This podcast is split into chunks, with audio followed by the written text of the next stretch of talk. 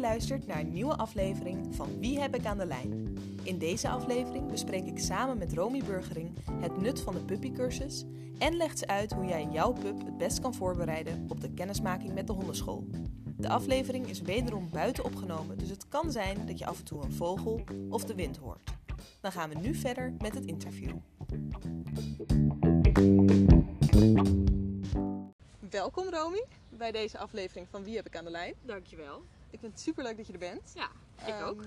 Misschien is het leuk om even te beginnen met een kleine introductie, want wij kennen elkaar van de dierenarts. Ja. Of tenminste, jij bent dierenartsassistent Ja. daar zo. Ja, klopt. En je bent ook kinologisch instructeur. Ja, klopt. Ik heb eh, mijn opleiding gedaan eh, bij Quibus. eh, dat is van het Arends College in Barneveld. En daar heb ik eigenlijk alle modules gedaan tot aan het begin van de gedragstherapie. Daar ben ik uiteindelijk ook weer mee gestopt. Maar eh, ik werk nu als eh, kinologisch instructeur bij eh Quibus Hondenschool Almere. En daarnaast werk ik als instructeur voor mijn eigen bedrijfje, waar wij inmiddels dus ook samen spuren. Ja. Dus eigenlijk werk ik zowel in Almere als voor hondentraining bij Romy in mijn eigen bedrijf. En dus ook nog als dierenartsassistent. En nog als dierenartsassistente. Ja, dus het zijn een een hele boel. hoop, hele hoop dingen, maar wel een hele leuke combinatie. Ja. Ja. Tussen alle drie. het is allemaal met dieren werken. En ja, het is een stukje. En mensen kunnen helpen met, eh, hè, met problemen of met eh, tips die ze nodig hebben over gedrag. En het stukje aanleren van gedrag. En dan ook nog eh, het, het stukje gezondheid wat erbij hoort. Ja.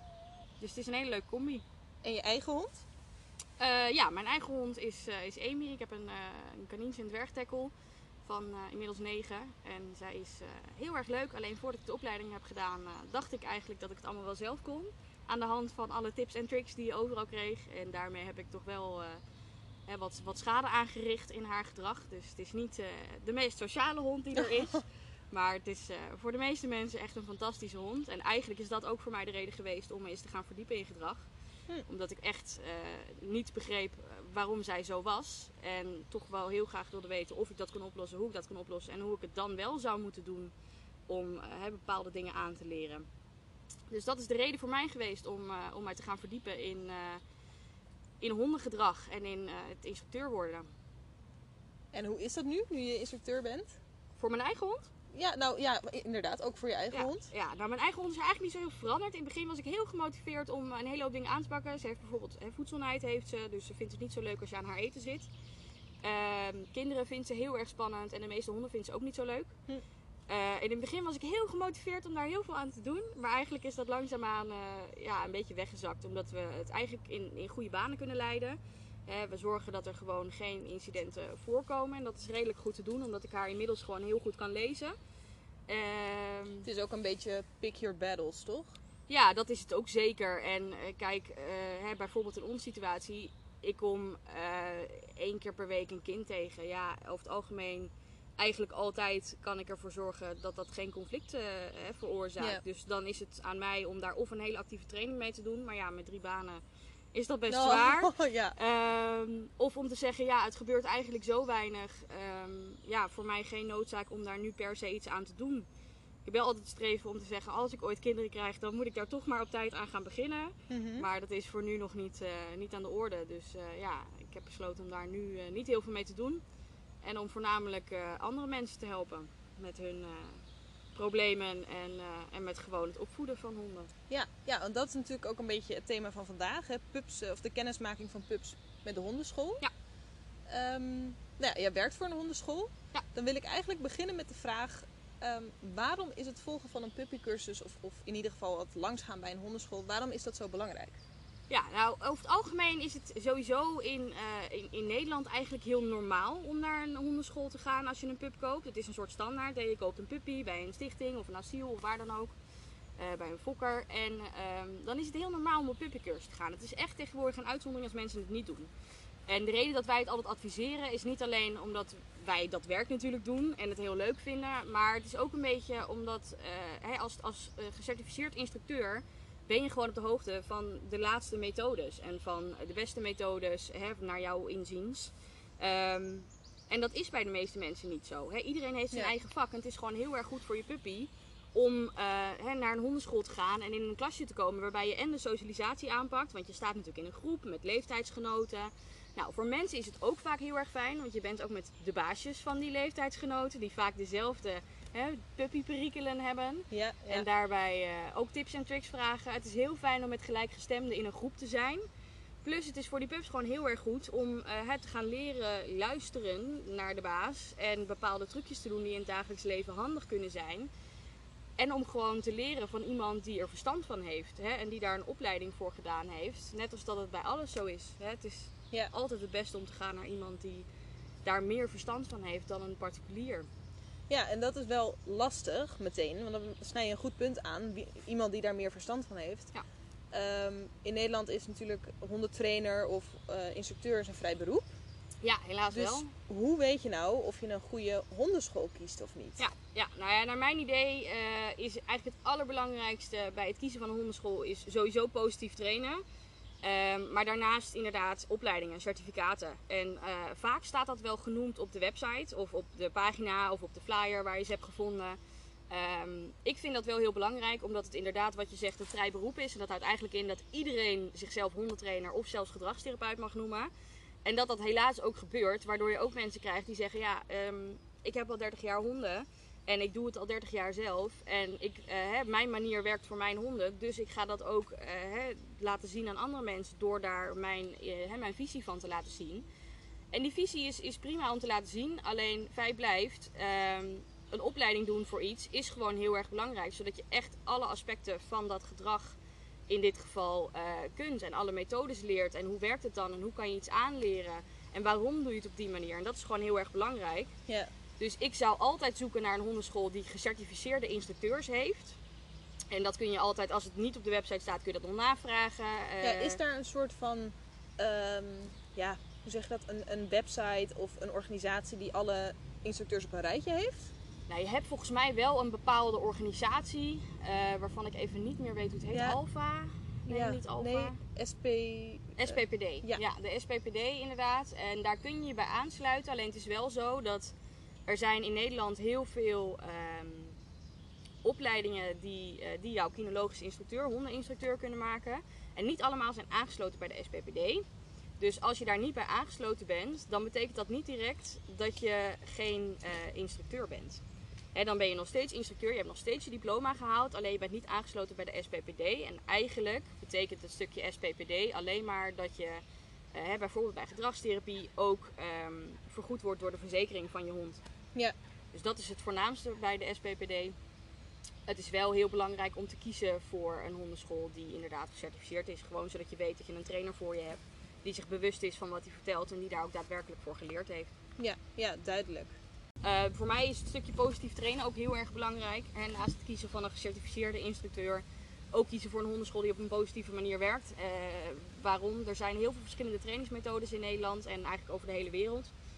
En positief trainen houdt eigenlijk in dat je je hond op een uh, fijne manier gaat uh, stimuleren om goed gedrag te vertonen.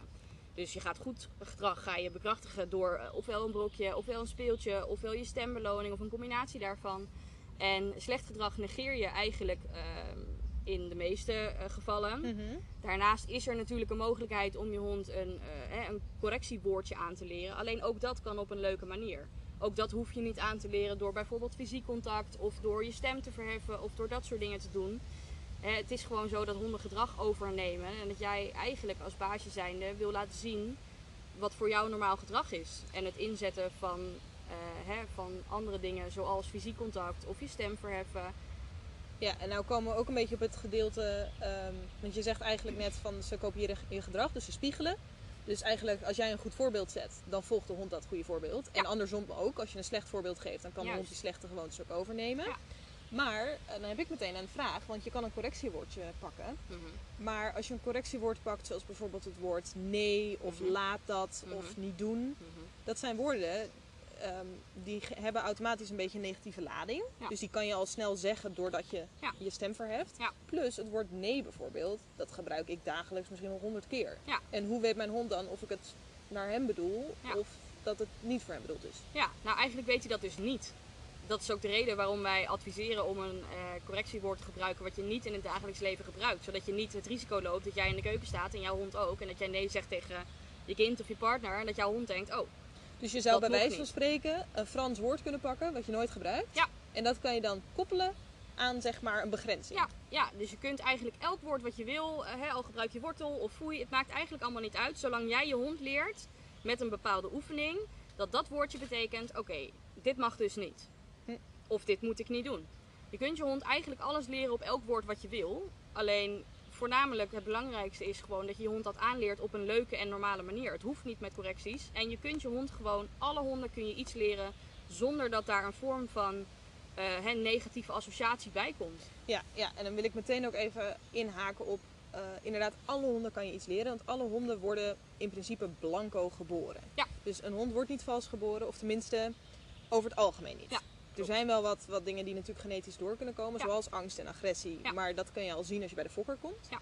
En dat heeft ook heel veel te maken met de omstandigheden inderdaad in het nest. Dus dat, dat kan je al voor zijn voordat je de hond hebt gekocht. Ja.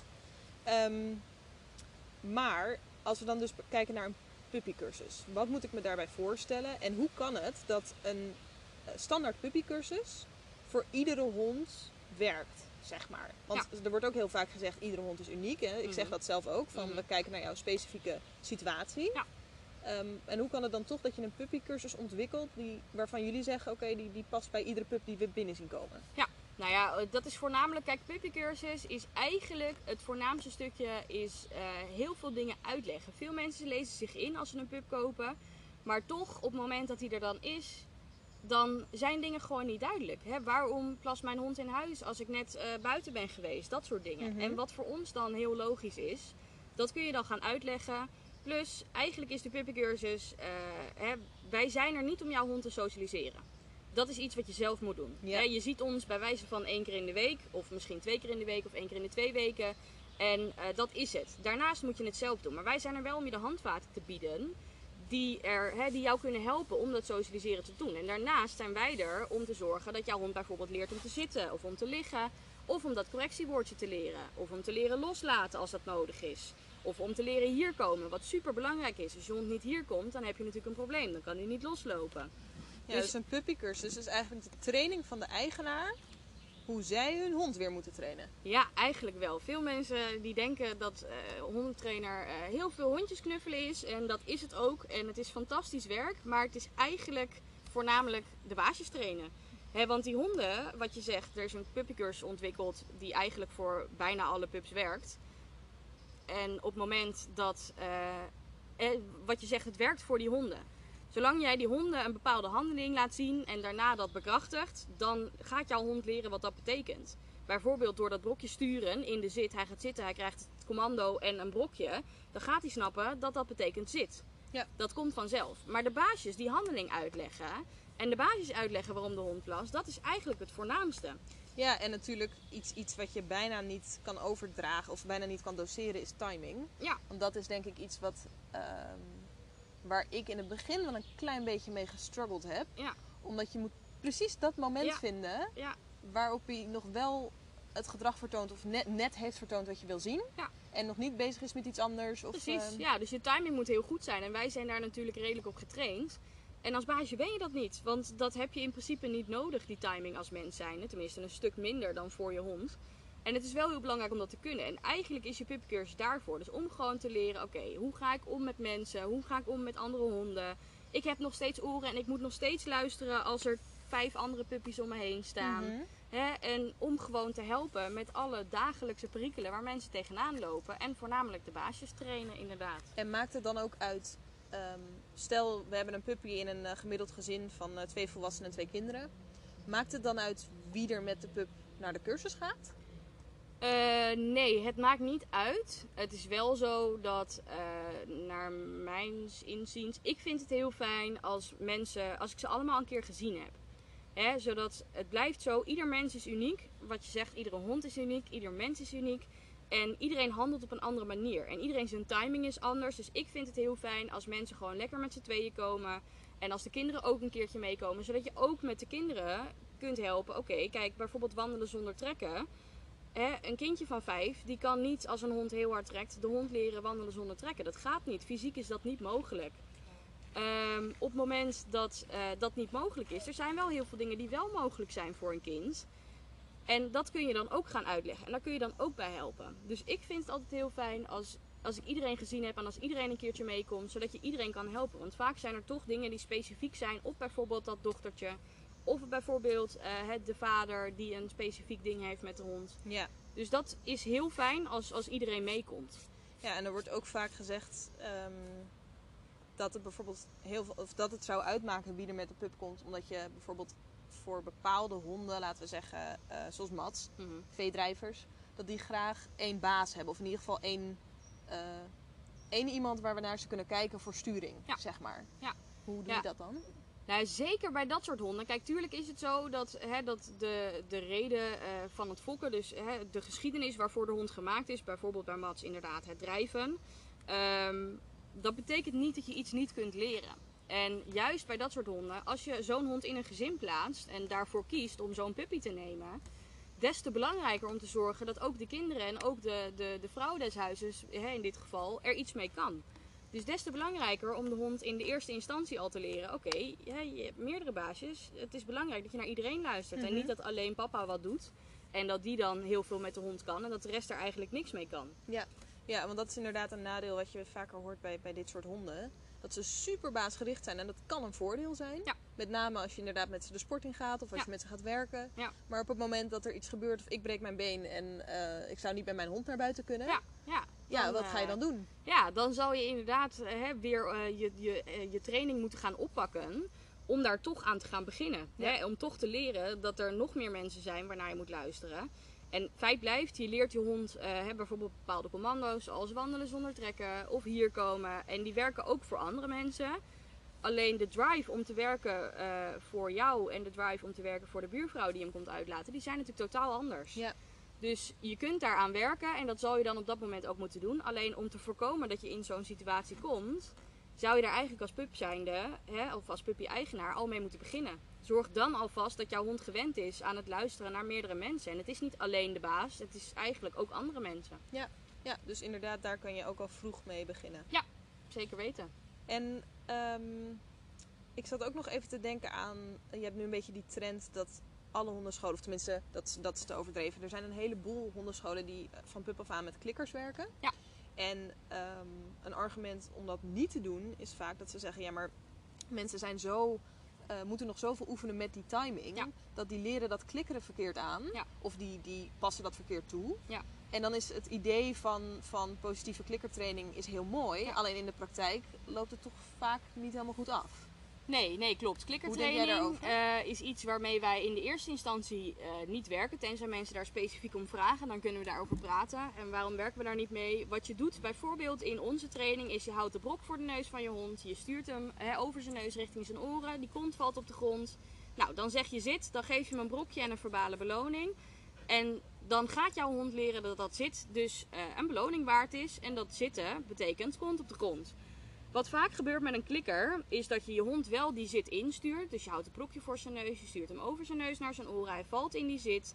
Vervolgens drukken mensen op de klikker en dan komt het brokje. Ja. Nou, het gevaar daarvan is dat mensen op een gegeven moment stoppen met voeren. Want ik heb hem geleerd klikken is goed zo. Maar wat je eigenlijk gedaan hebt, is je hebt geleerd ik klik en dan komt je beloning. Ja, Dus wat je leert is de klikker wordt de aankondiger van de beloning. Ja, en als je dan stopt met voeren, ja, dan stop je dus eigenlijk met beloning. Je zegt wel hij komt, maar de beloning komt niet.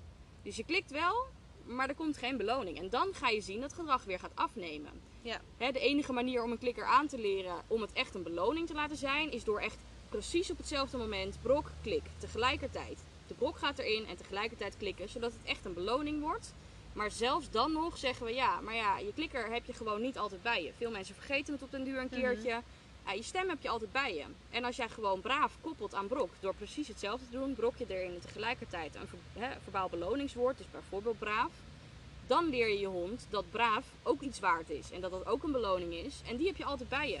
ja, ik denk ook, of tenminste dat, dat is mijn eigen visie erop, maar ehm, volgens mij is klikkertraining heel goed als je een specifieke hondensport doet. Of als je echt ehm, als hondentrainer bepaald gedrag echt wil Ja. uitvergroten. Ja. Maar voor je gemiddelde huistuin- en keukenhond is het volgens mij geen vereiste. Nee, zeker niet. En het is wel zo dat bijvoorbeeld, hè, wat je zegt, een klikker is een specifiek geluid. En sommige mensen gebruiken een klikker bijvoorbeeld als oefening. Ja. Dat je klik bijvoorbeeld je hier commando is. Nou, ook dat kan.